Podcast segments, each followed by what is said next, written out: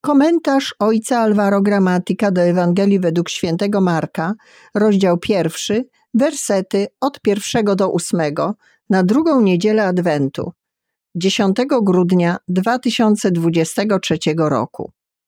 Początek Ewangelii Jezusa Chrystusa, Syna Bożego. Jak jest napisane u proroka Izajasza, oto ja posyłam wysłańca mego przed Tobą, On przygotuje drogę Twoją głos wołającego na pustyni: Przygotujcie drogę Panu, prostujcie dla niego ścieżki. Wystąpił Jan Chrzciciel na pustyni i głosił chrzest nawrócenia na odpuszczenie grzechów. Ciągnęła do niego cała judzka kraina oraz wszyscy mieszkańcy Jerozolimy i przyjmowali od niego chrzest w rzece Jordan, wyznając swoje grzechy.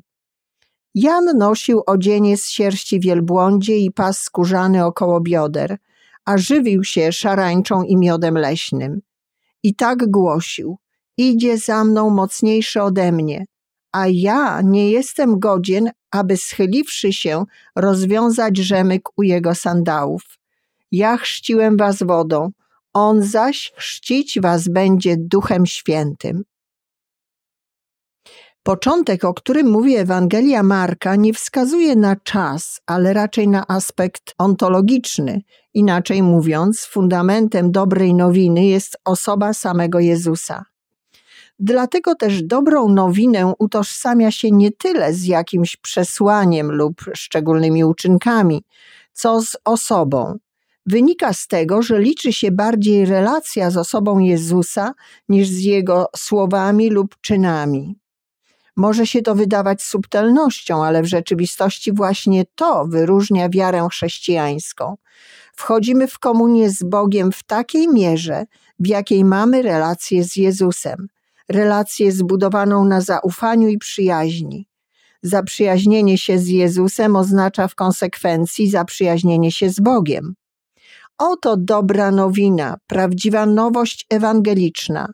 W tej perspektywie Jan Chrzciciel pełni rolę wprowadzającą, potwierdzając, że Mesjasz przyjdzie za nim. To również wskazuje nie na czas, ale na przestrzeń, co można wyjaśnić następująco, że za Janem Chrzcicielem przychodzi Jezus. Jan Chrzciciel staje się nieuchronnie figurą świadka. Można by powiedzieć, że ktokolwiek widzi Jana Chrzciciela, w jakiś sposób już widzi lub wyczuwa Jezusa.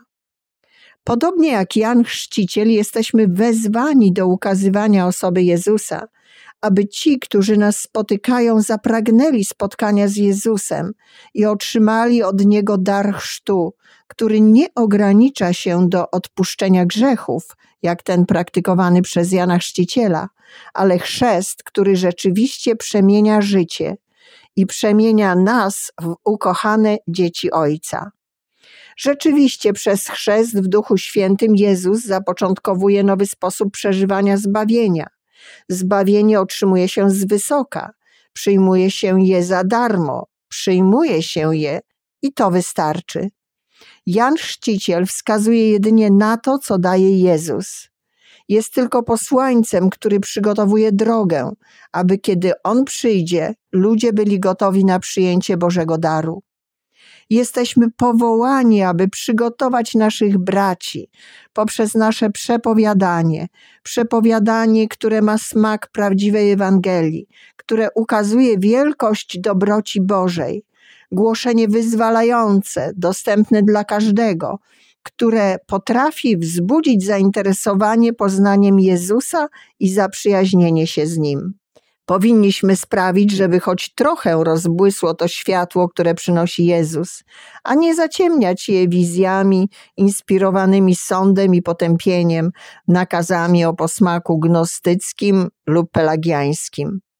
Naszym zadaniem jest być interesującymi i atrakcyjnymi posłańcami, którzy ogłaszają radosne wieści, aby każdy mógł je usłyszeć, co jest zadaniem zawsze niezbędnym. Dziś bardziej niż kiedykolwiek, gdy zdaje się panować lęk i potępienie, a każdy, kto przyjął Jezusa i doświadczył Jego pocieszenia, staje się z kolei posłańcem radości – Moglibyśmy powiedzieć: Niech to będzie widoczne.